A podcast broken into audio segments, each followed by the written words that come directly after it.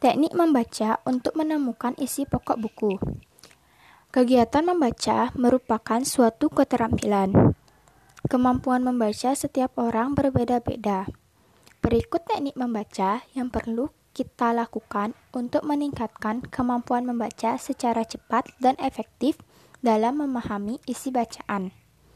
Yang pertama, skimming. Skimming adalah proses membaca teks secara cepat dan menyeluruh untuk memperoleh gambaran umum, bagian penting, dan menyegarkan ingatan akan hal yang pernah dibaca.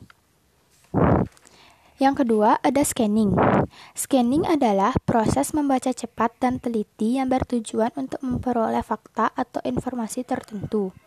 Misalnya, kata-kata tertentu dalam kamus atau nomor telepon. Yang ketiga, ada selecting.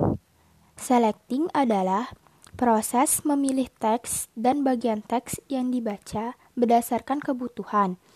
Hal ini dilakukan sebelum kegiatan membaca. Misalnya, membaca judul buku atau judul berita di surat kabar. Yang keempat, ada skipping. Skipping adalah proses kegiatan membaca yang mengabaikan atau melompati bagian yang tidak diperlukan atau bagian yang sudah dimengerti.